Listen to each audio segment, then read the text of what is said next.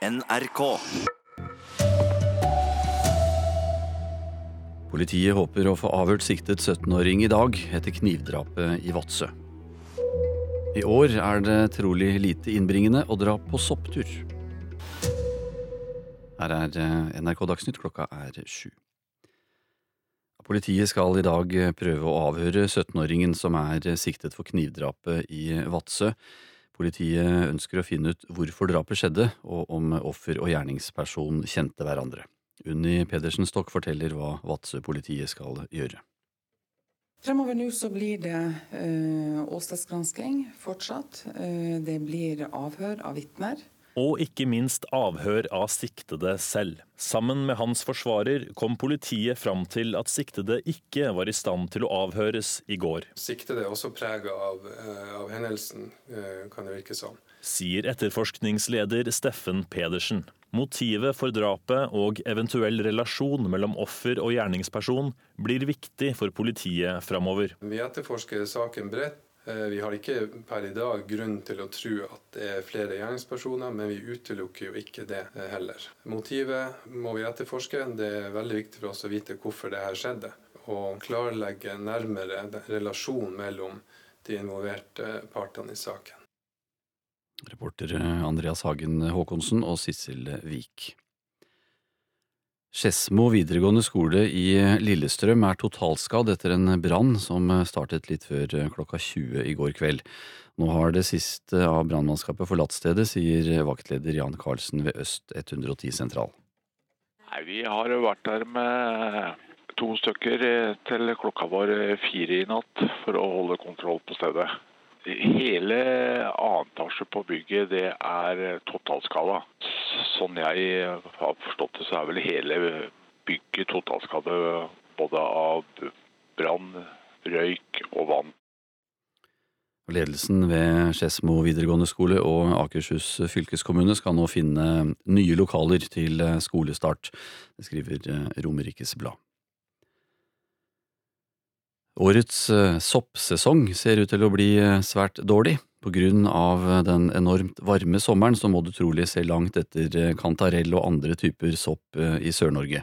Det sier Bjørn Nordén. Han er forsker ved Norsk institutt for naturforskning. I år så kommer det nok å bli dårlig, ja. Det sier seg selv nesten. Det har ikke, det har ikke kommet noe nedbør siden i begynnelsen på mai i Sør-Norge. de som vil ha matsopp, de får nok vente litt. NRK Dagsnytt, Anders Borgen Werring.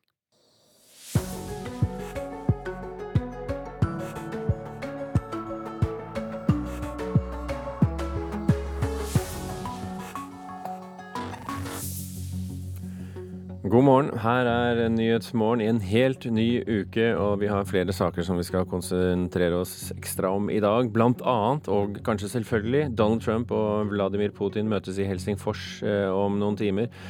Og I USA er stemningen spent i det politiske miljøet. Fire av ti nordmenn føler seg dårlig behandlet av flyselskapene, viser en undersøkelse. Gjett hvilket selskap som får mest klager her i Norge.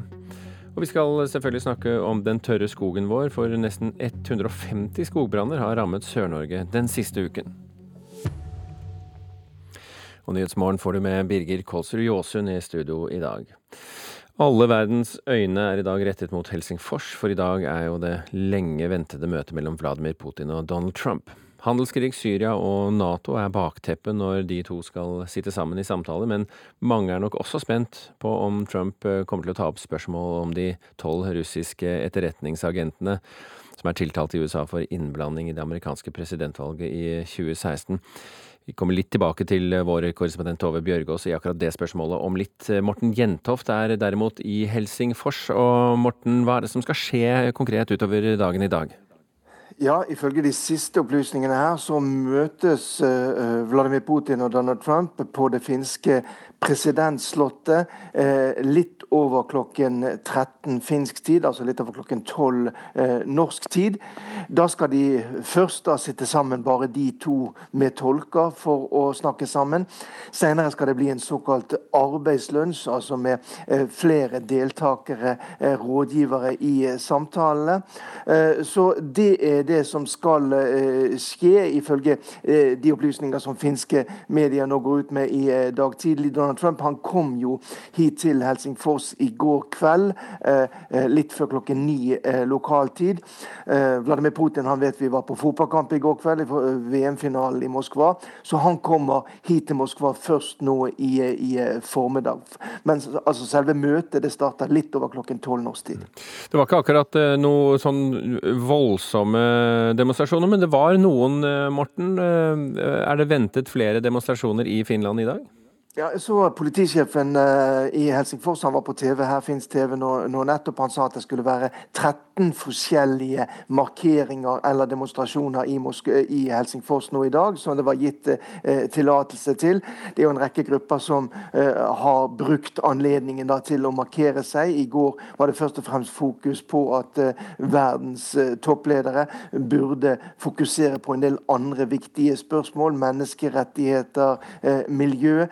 Eh, det ble sagt at rundt 25 000 deltok i de eh, demonstrasjonene som kanskje mer artet seg som en slags karneval her i, i den finske hovedstaden i går. Og så er det da ventet uh, nye demonstrasjoner, og markeringer i dag. og Politiet har jo da gitt tillatelse til dem, men har gitt klar beskjed om at de ikke får anledning da til å forstyrre da de, de høye gjestene som beveger seg rundt her i sentrum av den finske hovedstaden. Hva er det varslet at de to presidentene skal snakke om i dag? Ja, eh, Vi vet jo lite hva som egentlig dagsorden blir, men som du nevnte, Syria kommer nok til å bli et sentralt eh, tema. Det kan også bli et tema der det kanskje kan komme noe konkret ut av det. Det er jo planlagt et, et kommuniké etter dette møtet her. Eh, kanskje har man der mulighet til å komme fram til et slags kompromiss, f.eks. når det gjelder Irans rolle i Syria, som jo har vært noe som Donald Trump og amerikanerne har vært sterkt sterkt opptatt av. Man ønsker Iran ut av, eh, av Syria. Kanskje har russerne noe å gi her.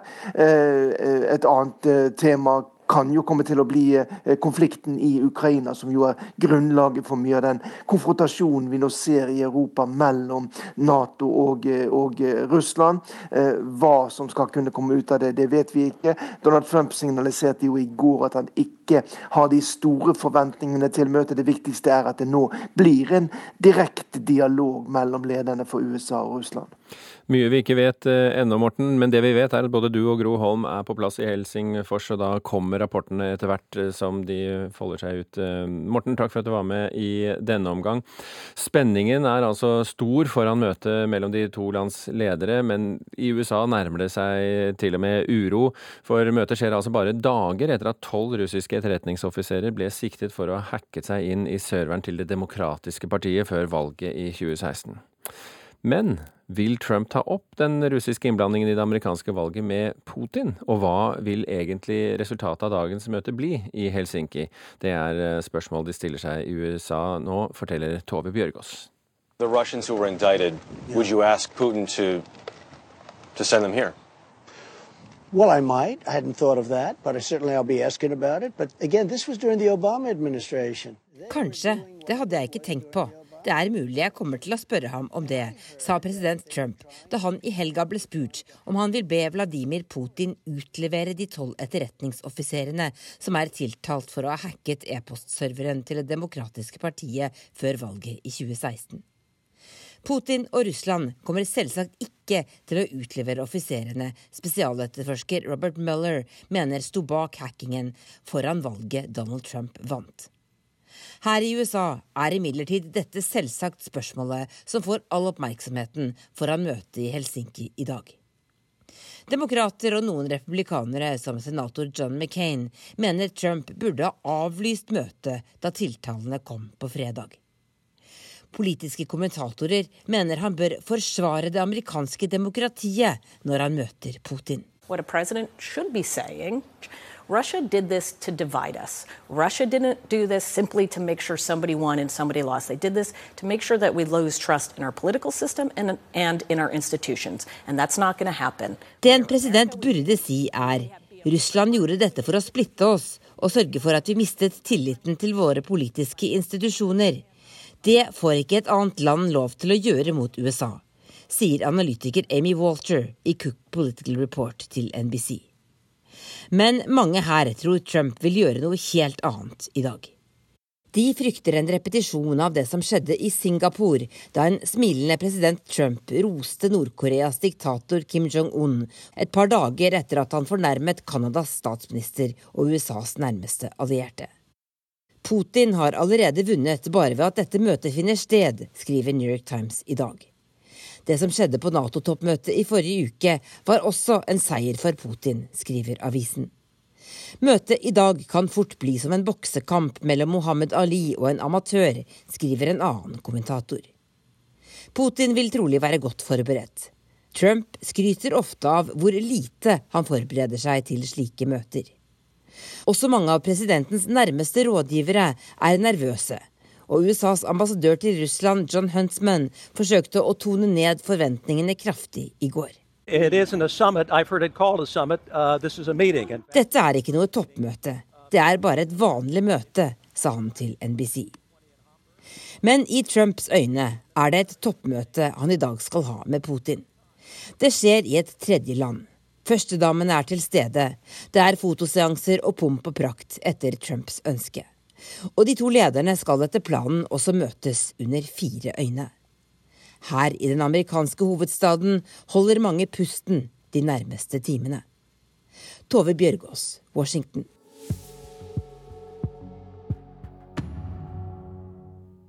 Det er eh, mange nordmenn som er ute og flyr i ferien sin. Eh, bokstavelig talt, altså.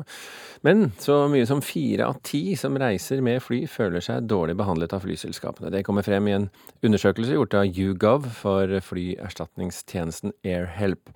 Og landansvarlig i AirHelp, Andreas Hermansson, eh, han er ikke fornøyd. Det syns jeg er altfor høyt. Ambisjonen er jo at 100% av alle flypassasjerer skal kunne være nøyde og glade. Vi føler oss misfornøyde med det meste. Alt fra innstillinger, mistet bagasje, forsinkelser, endringer og ikke minst mangel på informasjon. AirHelp er et selskap som hjelper passasjerer med klager mot flyselskapet. Selskapet tar seg betalt for tjenesten dersom passasjeren får medhold.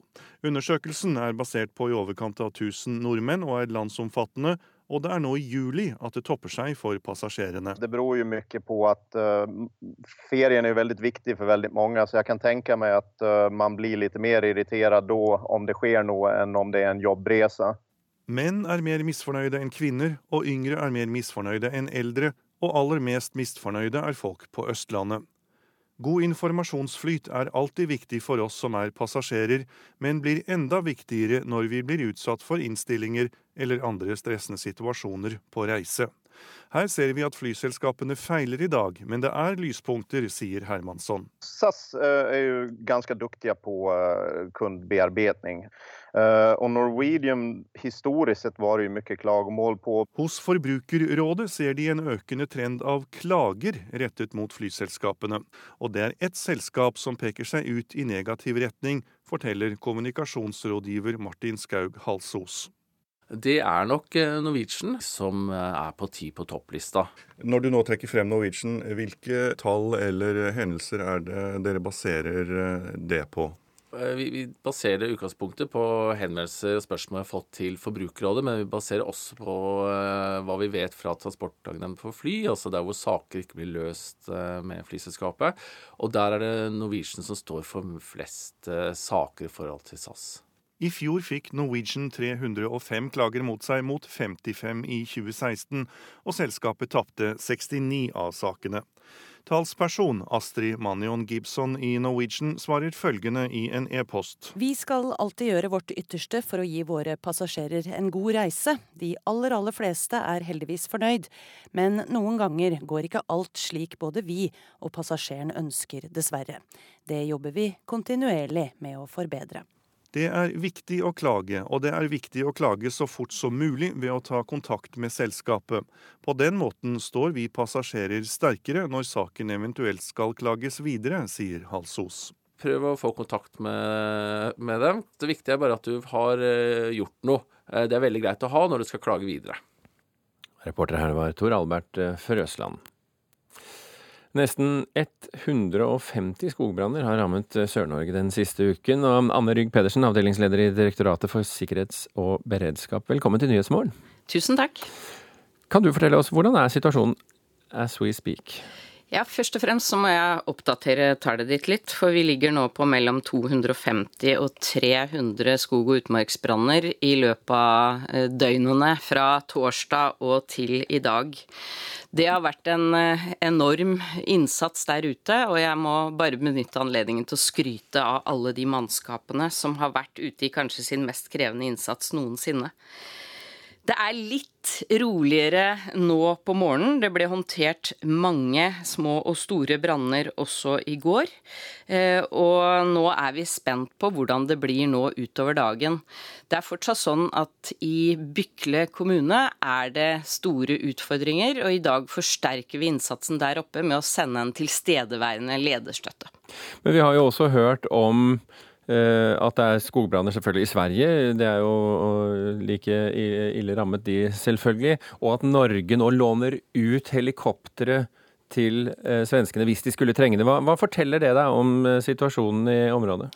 Det er ekstremt tørt, og det har det vært over veldig lang tid. Og det er akkurat den samme situasjonen i Sverige som i Norge. Så derfor så beslutta vi i går å kunne forsterke svenskene med seks av helikoptrene som vi har disponert. Det betyr at vi fra i dag har 16 helikoptre i beredskap her hos oss, og så er det seks som drar over til Sverige nå i morgentimene. Av de 16, eller i tillegg? I tillegg. Mm. Og så har dere varslet EU om at dere kanskje ber om hjelp for å få inn ekstra vann håndbombefly, eh, er det en, et tilbud som står seg fra EU? Vi har eh, i går og i morgentimen i dag vurdert det på en sånn måte at vi velger å ta ned eh, denne pre-alerten, altså forhåndsvarselet, og legger det inn som en normal varsling i EU-systemet. Det betyr at den fortsatt ligger der som en sånn heads up at Norge kan komme til å trenge bistand. Men vi vurderer situasjonen som noe mer under kontroll etter gårsdagen, hvor vi hadde god kapasitet på helikoptre hele dagen, selv om vi også hadde helikoptre i bistand på 22 branner i går. Hva er det du frykter mest nå? Nå er det viktig at publikum blir vår eh, viktigste hjelper. Vi trenger hjelp til å detektere branner på et tidligst mulig tidspunkt, sånn at vi kan ta dem. Det viser erfaringene fra tidligere, og også de siste dagene. Så du vil at folk skal ringe inn hvis de ser noe med en gang? De bør ringe med en gang. Eh, og så må de oppføre seg på en sånn måte ute i naturen og andre steder. Selv om det kommer bitte litt regn nå natt til onsdag, så må vi ikke tro at dette er over. Dette kommer til å å vare langt utover seinsommeren. Men øh, vet folk hvor de skal og hvem de skal ta kontakt med i så fall? Jeg tror de aller fleste nå har fanga opp at det er 110 som er nummeret når man skal varsle skogbrann. Og da var det fint å få en anledning til å nevne det igjen. Og ikke minst, ikke grill med kull, ikke tenn på ting, ikke kast sneiper i eh, naturen osv ingen åpen ild i naturen. Og jeg må berømme brann- og redningsvesenet der også. De har vært flinke til å forebygge. Og brannsjefen i Telemark gikk jo nå samla ut med en oppfordring om ikke å røyke i skog og utmark. Mm. Anne Rygg Pedersen i DSB, takk for at du var med oss her i Nyhetsmorgen. Og vi i eh, Nyhetsmorgen, eh, i tillegg til eh, det tørre skogen vår, er opptatt av følgende saker. Donald Trump og Vladimir Putin møtes i Helsingfors. I USA er det politiske miljøet i høyspenning. Fire av ti nordmenn føler seg altså dårlig behandlet av flyselskapene, viser ny undersøkelse. Norwegian får mest klager her i Norge. Og når det gjelder skogbranner i Sør-Norge den siste tiden, så har vi altså fått oppdatert tallet nå til opp mot 300 små og større skogbranner. Og eh, DSB oppfordrer altså alle oss nordmenn til å si fra, ringe 111 hvis det trengs. Frankrike er verdensmester i fotball, og hvis du var opptatt i går og ikke fikk det med deg, her er en liten stemningsrapport. Kjempestolt av Frankrike i kveld, og vi skal nå og feire til Champs-Élysées. Og feire gjorde franskmennene da det var klart at de var blitt verdensmestere for andre gang.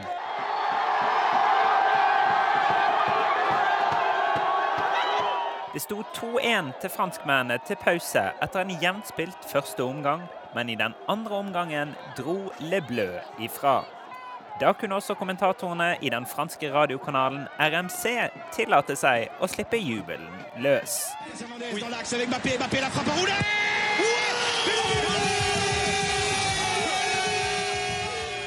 Kampen endte til slutt 4-2 til Frankrike. Bare finalen mellom Brasil og Sverige i 1958, som endte 5-2 til Brasil, har inneholdt flere mål. Ekstra stas var det for Frankrikes landslagstrener Didier Deschamps. Han er den tredje til å vinne VM som spiller og trener, etter Mario Zagallo og Frans Beckenbauer. På pressekonferansen etter kampen ble han dynket av sine egne spillere. Dynket av sportsdrikke og så vasket av regnet etterpå. Etter finalen så bekreftet Deschamps at han fortsetter som Frankrikes landslagstrenerreporter. Her, det var Alexander Losnegård. Ja, Det var altså slik kampen endte rent sportslig. Fokuset før mesterskapet var derimot ikke bare på det sportslige. Menneskerettigheter, hooligans og legitimering av Putins styre var noe av det folk snakket om før mesterskapet. Korrespondent Guri Nordstrøm eh, nå i Moskva, eh, og du var jo på finalekampen i går. Hvor, hvor vellykket vil du si at VM har vært, hvis du ser det med russiske myndigheters øyne? Dette har vært et utstillingsvindu for Russland og en kjempesuksess for eh, Kreml. Det eneste skår i gleden for Putin er nok at aktivistgruppa Pussy Riot klarte å storme banen under andre omgang i finalen i går. De kom da løpende inn kledd i gammeldagse politiuniformer, bl.a. for å kreve at politiske fanger blir løslatt. Og bare det at de klarte å komme seg gjennom sperringene og stanse spillet på denne måten, er egentlig ganske utrolig. Det var veldig mye sikkerhet for å komme seg inn på stadion i det hele tatt. Men bortsett fra den hendelsen, har, eh, på, på, på, på hvilken måte har mesterskapet vært en seier for eh, Putin? Putin blir nok stående igjen som en av VMs store seierherrer. Han har hatt besøk av både Fifa-presidenten og fotballegender som har sagt hvor begeistra de er for Russland. VM har også blitt en av de mer politiserte sportsbegivenhetene vi har sett. Det er jo mange statsledere som har kommet pga. arrangementet. I går var selvfølgelig Frankrikes president Macron her, og han og Putin skulle da snakke om Iran, Syria og Ukraina, i tillegg til å se finalen sammen. Israels statsminister Benjamin Netanyahu har hatt møte med Putin og snakket om Syria her. Og under åpningskampen møtte også Putin og Saudi-Arabias mektigste mann, kronprins Mohammed bin Salman, og ble enige om et samarbeid om oljeproduksjonen. Og dette er da bare noe av det som har skjedd på sidelinja av eh, kampene. Men dette med eh, de russiske hooliganene, altså, altså sånne militante og voldelige fotballfans. Det var jo varslet, eller eh, i hvert fall forventet, eh, eller om ikke annet ventet, bråk, eh, slik vi så under EM i Frankrike for to år siden. Men så ble det jo ingenting, så vidt meg bekjent. Hvorfor ikke? Ja, forskjellen fra da til nå er at den gang så ble de russiske hooligansene nærmest hyllet som helter her i Russland etter å ha angrepet engelske supportere i Marseille. I Russland så ble det til og med fremhevet, fremhevet at det var utrolig at selv om det var langt færre russere enn engelskmenn, så klarte russerne likevel å overmanne engelskmennene. Før VM her på hjemmebane derimot, så har eh, russiske myndigheter gått systematisk til verks for å sile ut disse bråkmakerne alle vi som hadde billett til VM, måtte også ha en egen fan-ID i tillegg, slik at uh, russiske myndigheter fikk kontroll over uønska personer. Innenriksdepartementet hadde publisert en svarteliste over folk som ikke fikk lov til å gå på idrettsarrangementer, og som ble systematisk sjekket uh, hver gang man skulle gå inn på stadion. Og straffen for å bryte offentlig ro og orden under idrettsarrangementer ble også satt til syv års fengsel før dette mesterskapet. Men russerne da, Guri, er de stolte av mesterskapet? Ja, absolutt. Og det var jo dette alle jeg snakket med før arrangementet håpet på, å kunne vise frem Russland på en god måte. Det føler mange at de også har fått gjort. Dette har også da blitt godt støttet av statlige russiske TV-kanaler, som har elsket å vise frem intervjuer med utenlandske supportere som forteller at de har hatt et helt annet inntrykk av Russland før de kom hit. Men det er jo klart, menneskerettighetsbrudd og andre problemer i det russiske samfunnet er ikke noe tilreisende turister har merket på kroppen under denne fotballfesten. Det betyr ikke at disse problemene ikke eksisterer ellers, og det var jo det Pussy Riot ville sette fokus på under finalen i går. Ok, Guri Nordstrøm, eh, takk til deg. Vi setter strek eh, der, og så skal vi heller se litt på hva som eh, skjedde i verden mens du så, hvis du nettopp har skrudd på radioen.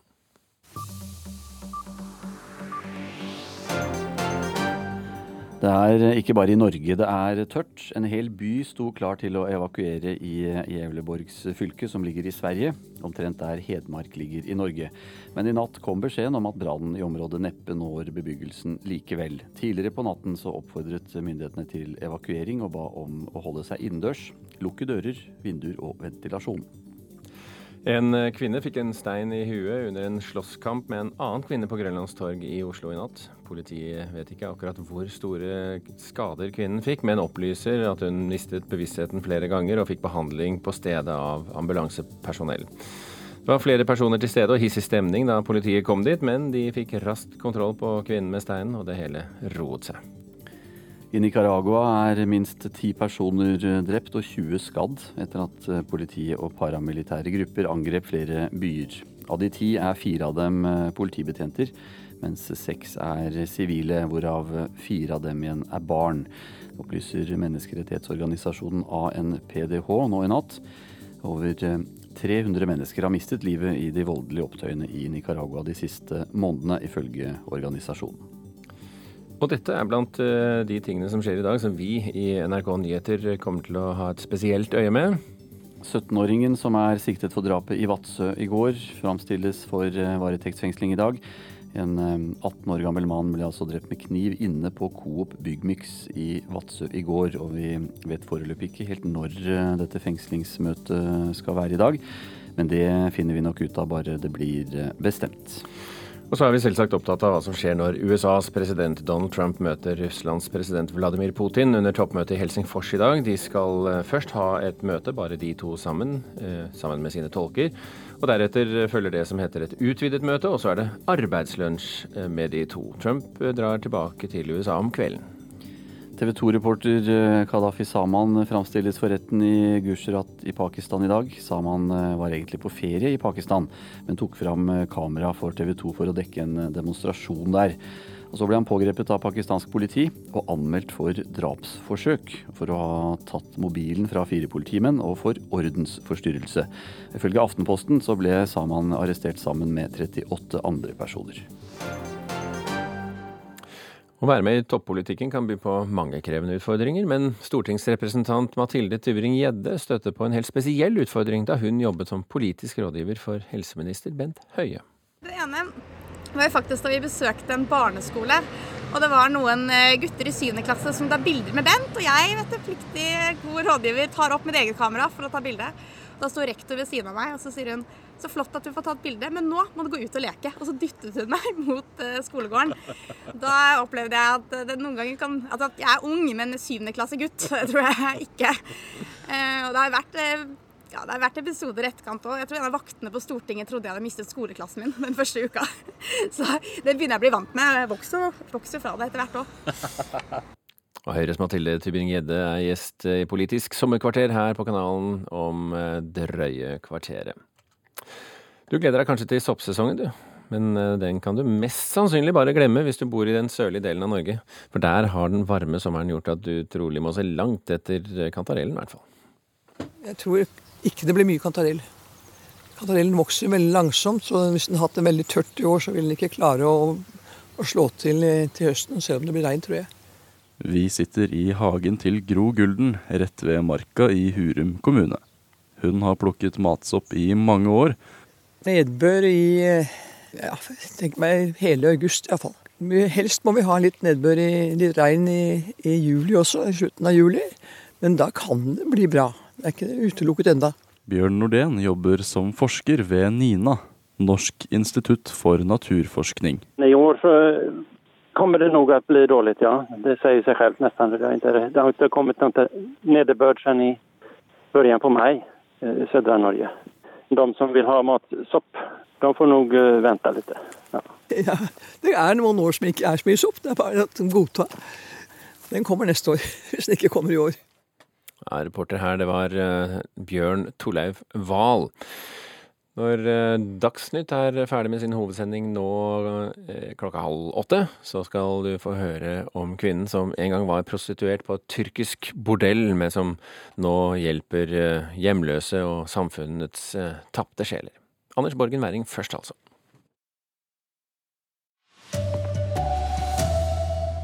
Uroen vokser før dagens toppmøte mellom Trump og Putin. Politiet håper å få avhørt siktet 17-åring i dag etter knivdrapet i Vadsø. Fire av ti føler seg dårlig behandlet av flyselskapene, viser en undersøkelse. Her er NRK Dagsnytt, klokka er 7.30. Om, øye, om drøye fem timer så møtes eh, USAs og Russlands eh, ledere til direkte samtaler. Toppmøtet i Helsingfors er det første én-til-én-møtet mellom Putin og Trump. Men akkurat hva målet er, bortsett fra bedre kjemi mellom de to lederne, er eh, noe uklart.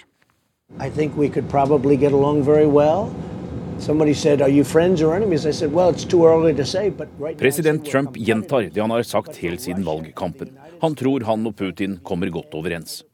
I intervjuet med britiske ITV på presidentflyet sier Trump at det er for tidlig å si om Russland er en venn eller fiende. Han omtaler Russland som en konkurrent. Donald Trump starter dagen med frokost i palasset til den finske presidenten, før han tidlig i ettermiddag møter Russlands mektige leder samme sted. Well, Putin is highly prepared, and Trump, will he be prepared for the meeting? På et møte med velgerne tidligere i sommer sa Trump at folk ikke trenger å være bekymret for forberedelsene. Akkurat hva Trump og Putin skal snakke om er noe uklart, men Trump mener et personlig forhold er avgjørende for å bedre forbindelsene mellom Washington og Moskva. Trump går inn til samtalen med Putin uten rådgivere klokka 12.20. Dette møtet går over i en arbeidslunsj med flere deltakere halvannen time senere, og klokka 15.50 er det felles pressekonferanse med Putin og Trump, ifølge Det hvite hus pressekontor. The optics of going into a room alone without your handlers, without your advisors, are, are simply alarming and unexplainable. I mean, Alarmerende og uforklarlig er ordene professor Avid Sakoni ved George Washington-universitetet bruker om én-til-én-møte uten rådgivere sa utenriksmedarbeider eh, Anders eh, Tvegård til slutt her. Videre til deg nå, korrespondent eh, Morten Jentoft. Du følger møtet i Helsingfors i Finland. Noe uklart hva de skal snakke om, hørte vi her. Hva er det ventet at de to skal snakke om? Det er ventet at de eh, kommer til å bruke tid på konflikten i eh, Syria, der det jo ligger i kortene at det kanskje er en mulighet å få til noe konkret. Eh, det skal jo komme et kommuniké etter dette toppmøtet, det er i hvert fall det som er planlagt. Kanskje kan man komme til å si noe der om Irans rolle i eh, Syria. Eh, amerikanerne, og Donald Trump spesielt, har jo gått hardt ut eh, og sagt at Iran skal ut av Syria. De er en trussel mot bl.a. Israel. Så får vi se om russerne har noe å gi her. Det var demonstrasjoner i forkant av møtet i går. Er det ventet nye demonstrasjoner i dag?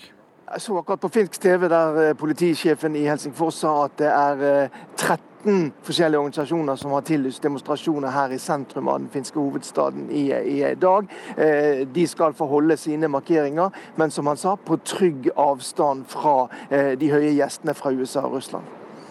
Takk skal du ha, korrespondent eh, Morten Jentoft, som altså følger toppmøtet mellom Vladimir Putin og Donald Trump i Helsingfors i Finland. Nesten 300 skogbranner har rammet Sør-Norge den siste uka. Alvorlig tørke og ustabilt vær med lyn og torden har gjort skogbrannfaren ekstrem. Det sier Anne Rygg Pedersen, avdelingsleder i Direktoratet for sikkerhet og beredskap. Det har vært en eh, enorm innsats der ute, og jeg må bare benytte anledningen til å skryte av alle de mannskapene som har vært ute i kanskje sin mest krevende innsats noensinne. Det er litt roligere nå på morgenen. Det ble håndtert mange små og store branner også i går. Eh, og nå er vi spent på hvordan det blir nå utover dagen. Det er fortsatt sånn at i Bykle kommune er det store utfordringer, og i dag forsterker vi innsatsen der oppe med å sende en tilstedeværende lederstøtte. Hva er det du frykter mest nå? Nå er det viktig at publikum blir vår eh, viktigste hjelper. Vi trenger hjelp til å detektere branner på et tidligst mulig tidspunkt, sånn at vi kan ta dem. Det viser erfaringene fra tidligere, og også de siste dagene. Så du vil at folk skal ringe inn hvis de ser noe med en gang? De bør ringe med en gang. Eh, og så må de oppføre seg på en sånn måte ute i naturen og andre steder. Selv om det kommer bitte litt regn nå natt til onsdag, så må vi ikke tro at dette er over. Dette kommer til å å vare langt utover seinsommeren. Intervjuer her Birger Kolsrud Jåsund. Politiet skal i dag prøve å avhøre 17-åringen som er siktet for eh, knivdrapet i Vadsø. Politiet ønsker å finne ut eh, hvorfor drapet skjedde, og om offer og gjerningsperson kjente hverandre. Unni Pedersen Stokk forteller hva Vadsø-politiet skal gjøre framover nå. Fremover nå så blir det øh, åstedsgransking fortsatt. det blir avhør av vitner og ikke minst avhør av siktede selv. Sammen med hans forsvarer kom politiet fram til at siktede ikke var i stand til å avhøres i går. Siktede er også prega av, eh, av, hendelsen, eh, kan det virke som. Sier etterforskningsleder Steffen Pedersen. Motivet for drapet og eventuell relasjon mellom offer og gjerningsperson blir viktig for politiet framover. Vi etterforsker saken bredt vi har ikke per i dag grunn til å tro at det er flere gjerningspersoner, men vi utelukker jo ikke det eh, heller. Motivet må vi etterforske. Det er veldig viktig for oss å vite hvorfor det her skjedde. Og klarlegge nærmere relasjonen mellom de involverte partene i saken. Fungerende ordfører Otto Strand forteller at vadsøværingene er preget av det som har skjedd. Vi må jobbe sammen for å kunne bearbeide denne hendelsen og eh, takle den på best mulig måte. Reportere Andreas Hagen Håkonsen og Sissel Vik. Fire av ti som reiser med fly, føler seg dårlig behandlet av flyselskapene. Det kommer fram i en undersøkelse gjort av Hugo for flyerstatningstjenesten Airhelp. Landansvarlig Andreas Hermansson er ikke fornøyd. Det syns jeg er altfor høyt. Ambisjonen er jo at 100% av alle flypassasjerer skal kunne være nøyde og glade.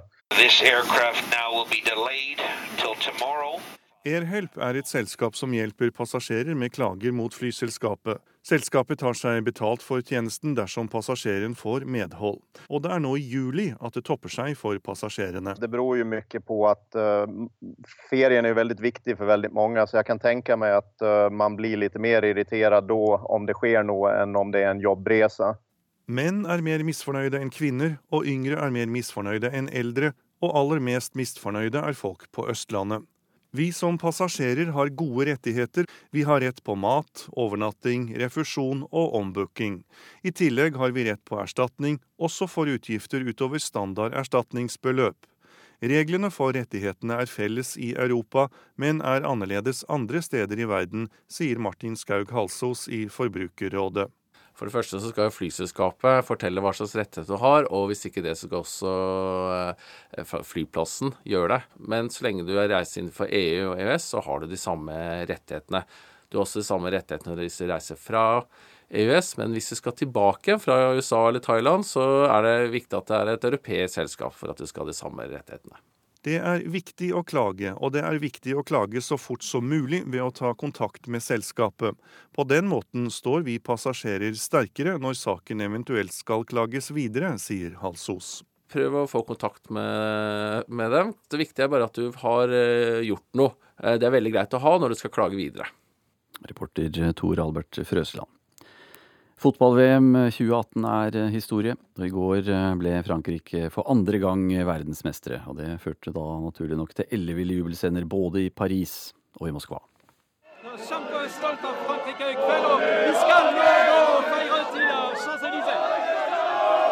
Og feire gjorde franskmennene da det var klart at de var blitt verdensmestere for andre gang.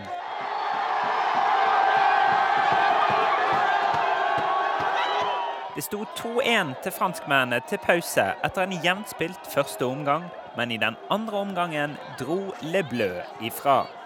Da kunne også kommentatorene i den franske radiokanalen RMC tillate seg å slippe jubelen løs.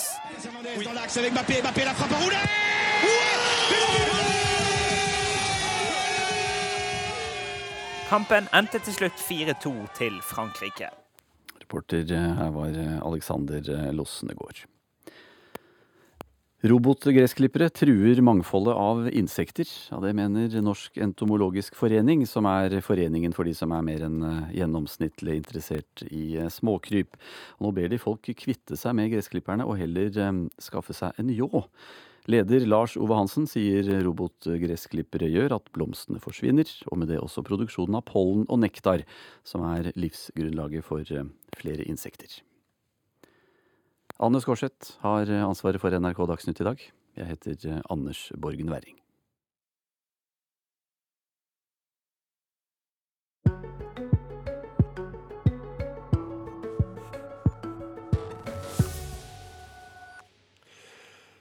En gang i tiden var kvinnen du nå skal møte en prostituert på et tyrkisk bordell.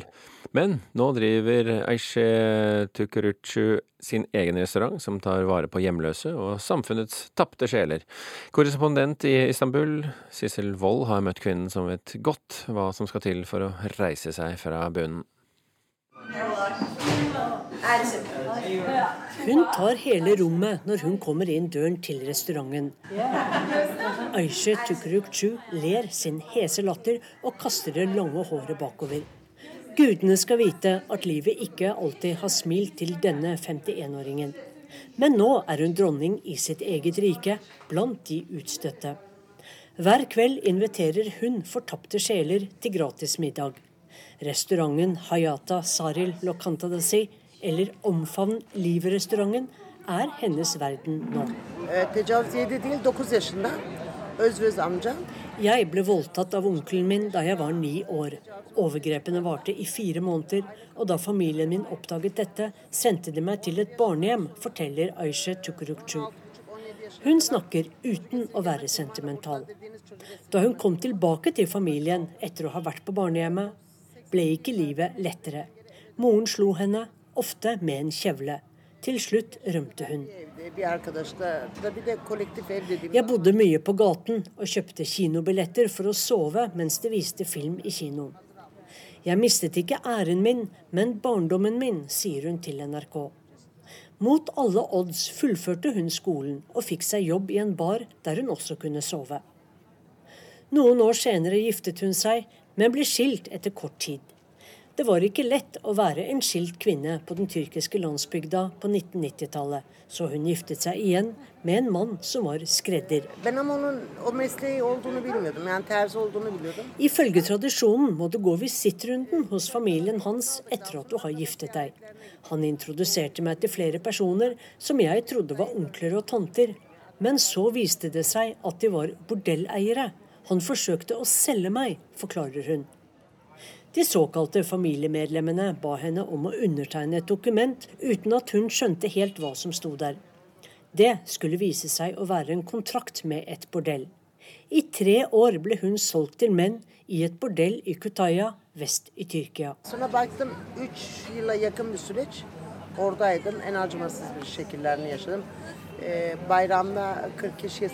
Jeg jobbet under de mest forferdelige forhold, minnes hun med mørke øyne. En høytidsdag da folk hadde fri, ble hun solgt til hele 40 menn. Jeg lovet meg selv at jeg skal overleve dette, jeg skal ikke dø her. Aisha ser rett på oss. Hennes vei ut fra bordellet ble å gifte seg med en av kundene sine. Og nå sitter hun her ved et bord utenfor restauranten i sentrum av Istanbul, like ved Taksim-plassen.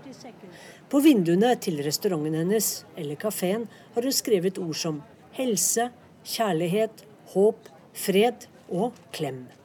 Mens vi snakker sammen, har menn begynt å stille seg opp i en lang kø utenfor døren. Det er dem hun bryr seg om nå, de nederst i samfunnet. Mennene som står i køen ser slitne ut. Blikkene deres er uten gnist, uten stolthet. Alkolik, madde yaşlı, yanı sıra aralarında pedofilin, yanı sıra aralarında mahkumlar. Bu yüzde 80'in içerisindeki. 80% av dem har psykiske problemer. Noen er alkoholikere, andre er tidligere kriminelle, mens enkelte er pedofile. Resten er folk som bare er fortapt i samfunnet. Aisha Tukurukchu skjermer dem. Hun vil ikke at vi skal gå bort og spørre dem om hvorfor de kommer hit. De bærer alle på tragedier og et ydmykende liv Aisha kjenner så altfor godt.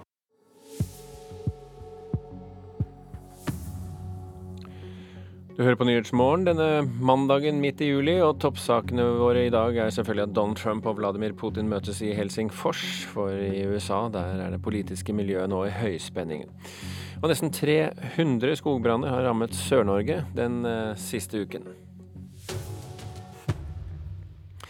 I dagens sommerkvarter skal vi møte en av Stortingets yngste folkevalgte, Mathilde Tybring-Gjedde fra Høyre. Hun er bare 25 år, men har allerede rukket å sitte i Oslo bystyre og jobbet som rådgiver for helseminister Bent Høie. Men erfaringen til tross, den har ikke forhindret uvanlige utfordringer på jobb.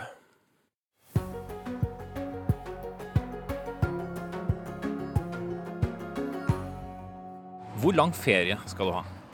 Du, det er første gang siden jeg var 13 at jeg slipper å ha sommer, eh, sommerjobb. Så nå blir det tre og en halv uke ferie. Hvor ofte kommer du til å sjekke e-posten eh, når du har ferie? Jeg tror jeg har venner som kommer til å ta fra meg mobilen og legge det på et hemmelig plass så jeg ikke får eh, sjekket den. Så det kan være at de lykkes med det, ellers blir det altfor ofte allikevel. Er det greit at folk går med shorts på jobben? Nei. I sommerferien er det greit hvis du er så flink å gå på jobb da, men ellers nei. Hei, skal vi se. Kunne jeg fått en vanlig kaffe og så en cappuccino? Enkel dobbel. Eh, dobbelt, takk. Mathilde Tybring-Gjedde, du er eh, da førstevara for uh, Oslo og møter fast for utenriksminister Ine Eriksen Søreide så lenge hun er statsråd og du er også medlem av utdannings- og forskningskomiteen. Hvilken makt gir det deg å være folkevalgt? Å være folkevalgt gjør jo at du har mulighet til å forandre situasjonen, din egen situasjon og andres. Så det er klart det gir makt. Eh, og politikere har makt, og interesseorganisasjoner har makt. Men eh, det viktigste for politikere, altså vi som er folkevalgte, er jo å gjøre at alle, alle, folk som er i Norge, får makt til å kontrollere sitt eget liv og ta ansvar for seg selv og sine nærmeste. Så det er om å gjøre å eh, delegere makt videre. Hvis du skulle lukket øynene og bare tenkt på ordet makt som sådan, de fire bokstavene som jo er ja, mektige, hva eller hvem ser du for deg? Ja, jeg ser ikke for meg en enkeltperson. Du kan godt si liksom Erna Solberg, men klart at eh, for meg så er det jo eh, når jeg vokste opp, så var det mamma som hadde makt eh, hjemme. Det, er, det å ha makt over andre er jo en del av det, men kanskje først og fremst så kunne jeg ha makt over sin egen livssituasjon, som er det viktigste. Og vi i Norge er veldig privilegerte. Mange har jo makt. Eh, og så er jo det mer interessante spørsmålet hvem har ikke det, og hva kan vi gjøre med det? Når fant du ut at uh, politikk var det du skulle holde på med på heltid? For du har jo drevet med politikk veldig lenge. Ja, jeg har aldri funnet ut av det. Det har vært en tilfeldighet egentlig hele veien. Jeg meldte meg inn i Unge Høyre da jeg var 16. Jeg prøvde alt for Rød Ungdom til AUF, og så gikk jeg et skritt videre. Så endte jeg opp der. Og siden det så har jeg vært heldig og fått muligheter. Men jeg har jo studert helt frem til uh, i fjor, og jeg skal jo fortsatt prøve å studere. Og eventuelt havne i det vanlige arbeidslivet en eller annen gang også. Det har jeg mål om. Men hvorfor er det en kul ting å gjøre å sitte på Stortinget når man er 25 eh, år? Man har jo mulighet til å eh, forandre ting. Da. Man har jo mulighet til å påvirke. Min sånn store kampsak har jo vært utdanningspolitikk, og nå sitter jeg i utdanning- og forskningskomiteen. Det er klart at da kan man sette sine viktigste saker på agendaen. Um, og jeg har jo kjempet for sånn, Min største kampsak har vært å bekjempe en skole som reproduserer sosiale forskjeller. Altså en skole som, hvor du kan gå inn i et klasserom og du kan se på en seks år gammel gutt, vite at han har foreldre med lav utdannelse, og vite at fordi han går på denne skolen og i denne kommunen, så risikerer han eh, å falle ut av videregående. Å ha en slik skole som ikke klarer å løfte hver enkelt elev, det kan vi ikke akseptere. Og det har vært min store kampsak alltid. Eh, og nå får jeg vært med og eh, komme med tiltak og snakke om lærernes kompetanse, det å bygge et lag rundt eleven, være tidlig ute med lesing, skriving og regning. Og det, liksom, det brenner jeg veldig for, da. Så det er, jo, det er årsaken at det er gøy å være på Stortinget. Det er jo fordi du får gjort noe. Så man ikke har noe man skal gjøre, så trenger man ikke være der. Hvorfor ble det Høyre, da? Som du sa, du begynte på ytterste venstre og, og jobbet deg i den retningen. Det var egentlig litt sånn eh, verdispørsmål. Jeg er opptatt av at man eh, styrker de små fellesskapene. Og jeg tror at et godt liv er når man klarer å ta ansvar for seg selv og sine nærmeste. Og så skal vi ha et sikkerhetsnett for de som ikke klarer det.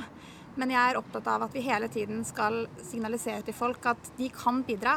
Og eh, at det tror jeg er viktig for den enkelte. Å føle at de mestrer og har noe å si. Ehm, og da var Høyre det partiet som understreket viktigheten av frihet, ansvar og de små fellesskapene.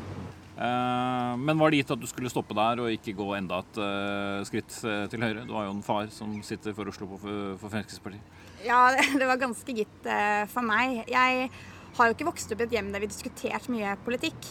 Jeg ble jo først engasjert da jeg begynte på en videregående skole som var veldig rød. Altså alle var med rødt. Eh, på den skolen. Og da merka jeg at jeg var uenig, men jeg følte at jeg trengte sånn ballast. Jeg trengte å ha sånn prinsipielle debatter, og jeg var veldig engasjert. Og da var det naturlig å være med i et ungdomsparti. Og så har eh, Unge Høyre vært liksom den riktige blandingen for meg av å snakke om frihet til enkeltmennesket, men samtidig understreke sosialt ansvar og viktigheten av at man er i relasjoner med andre.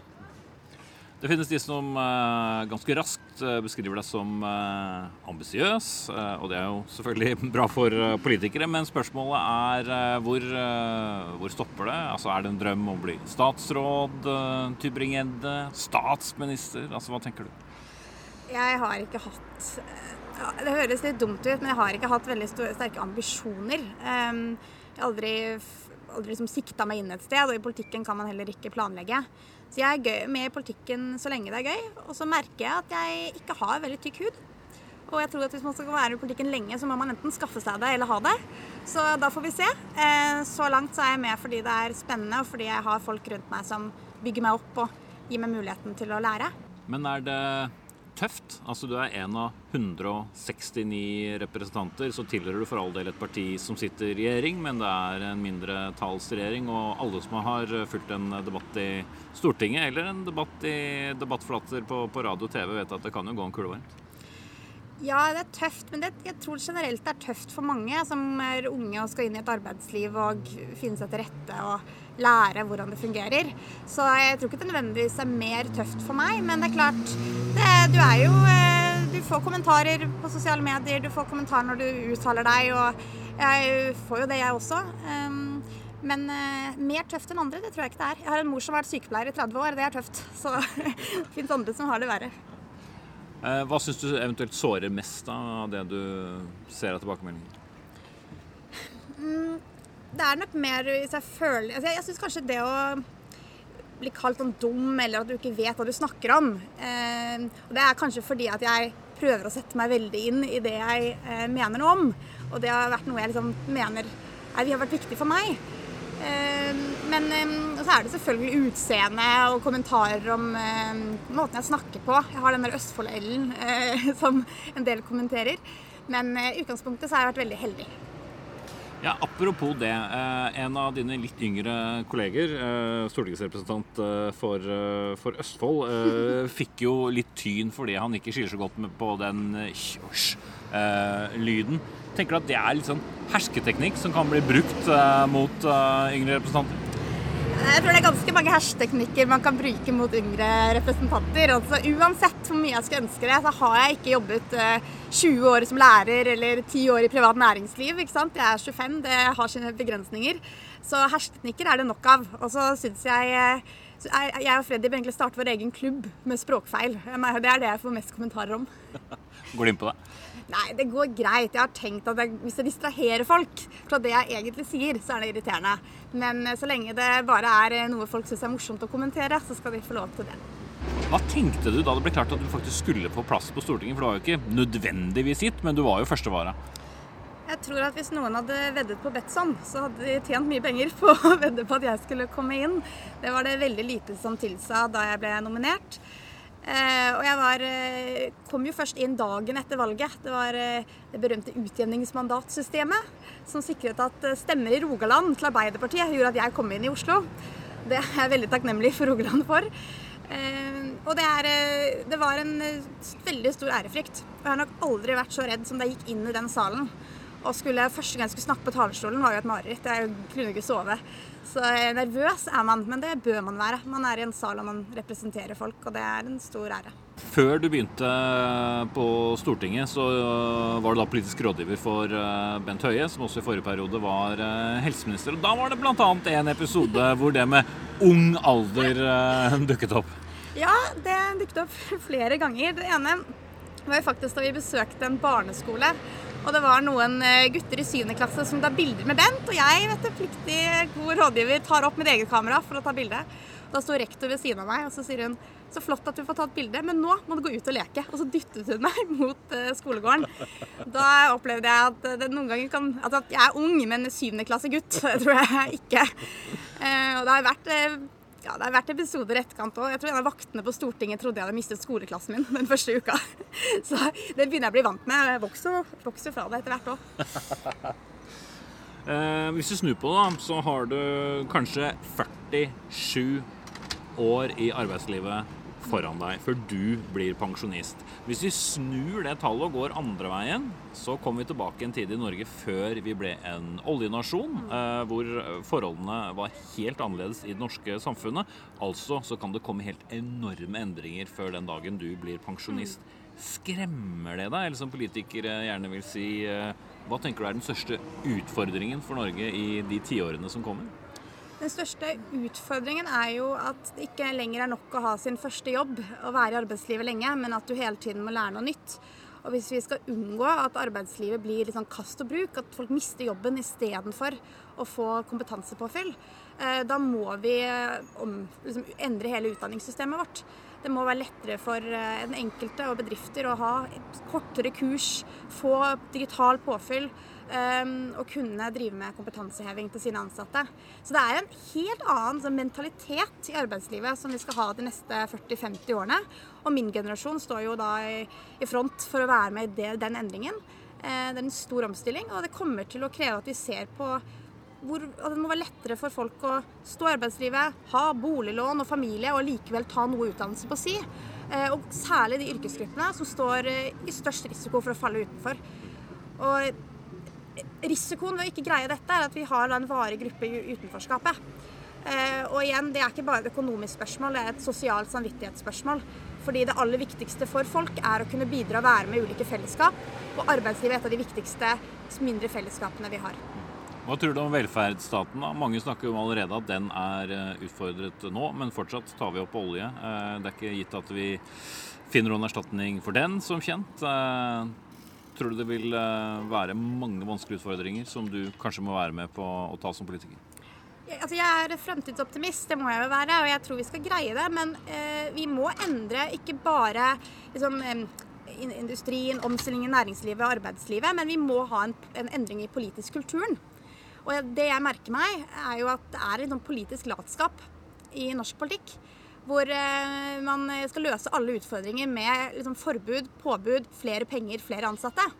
Og utfordringen med det er jo at i helsetjenesten skal vi løse det bare med flere ansatte, så må én av tre som går ut av videregående, jobbe innenfor helsetjenesten. Det, vi, det er ikke bærekraftig. Så da må vi altså tenke nytt om hvordan vi organiserer oss, hvilke løsninger vi har. Og eh, jeg håper jo at eh, vi som er unge og vet at det er det vi skal stå i, er med på den politiske omstillingen. Ehm, det er ikke lenger bare å kaste penger på problemet, vi må se på hvordan kan vi få bedre løsninger. Tror du at det er en generasjon som vil takle en så stor omstilling som dere kanskje står overfor? Ja, jeg tror alle, alle, ser på nye generasjoner med skeptisk øye. Det er jo ikke noe nytt. Eh, men eh, det tror jeg vi skal greie. Det må vi jo greie. Og vi har jo et, har jo et samfunnsliv i Norge som står sterkt. Og godt utdanningssystem og gode forutsetninger. Men det er klart at eh, når vi nå endrer alle læreplaner i norsk skole, så er jo det fordi det er noen ferdigheter vi trenger mer av. Og en av de ferdighetene er jo da det å kunne ha konsentrere seg og kunne løse komplekse problemer som datamaskiner ikke fikser. Og eh, det å lære å lære, som sagt, du må lære mer i løpet av arbeidslivet. Eh, og skape. Og dette er ferdigheter som kanskje ikke er nok i dagens skole, for det er fortsatt basert på litt gammeldags forståelse av at du må kunne årstall. Og ikke nødvendigvis samhandle og bruke kunnskap fra ulike fag til å skape noe nytt. Store deler av dette politiske året har jo utvilsomt vært dominert av metoo-avsløringer, både i ditt eget parti og andre. Du har jo selv bakgrunn fra Unge Høyre. Hvor eh, overrasket var du over det som kom frem i eget parti? Det er klart at dette var en stor overraskelse for uh, veldig mange. Det vi metoo har vist, er jo at det er ikke én sektor som er verna fra denne utfordringen, men at det finnes i mange, mange sektorer. Uh, politikken ble liksom kastet lys over nå. Jeg vet at det har skjedd. Mange andre arbeidsplasser har opplevd det. Uh, det viktigste er at vi nå får til en reell kulturendring og holdningsskifte. Og at man er bevisst på særlig det. Hva er makt på en arbeidsplass? Hva er et hierarki på en arbeidsplass, og hvilket ansvar har man som bl.a. leder? Med mindre det skjer store endringer i regjeringen, så skal du sitte på Stortinget fram til 2021. Eh, Hvilken overskrift ville du gjerne sett sammen med navnet ditt i løpet av de årene? Nei, det får jo være en tabloid overskrift da, hvis man skal designe den helt selv. Nei, det må jo være at eh, sikra muligheten skole. Alle fikk like muligheter til å lykkes i skolen. Det var nerdete og fint. Ja, men jeg er nerd, vet du. Det er flink pike, og det er en hedersbetegnelse, har jeg alltid sagt. så... Takk til eh, Mathilde Tybring-Gjedde, stortingsrepresentant for eh, Høyre og medlem av eh, utdannings- og forskningskomiteen.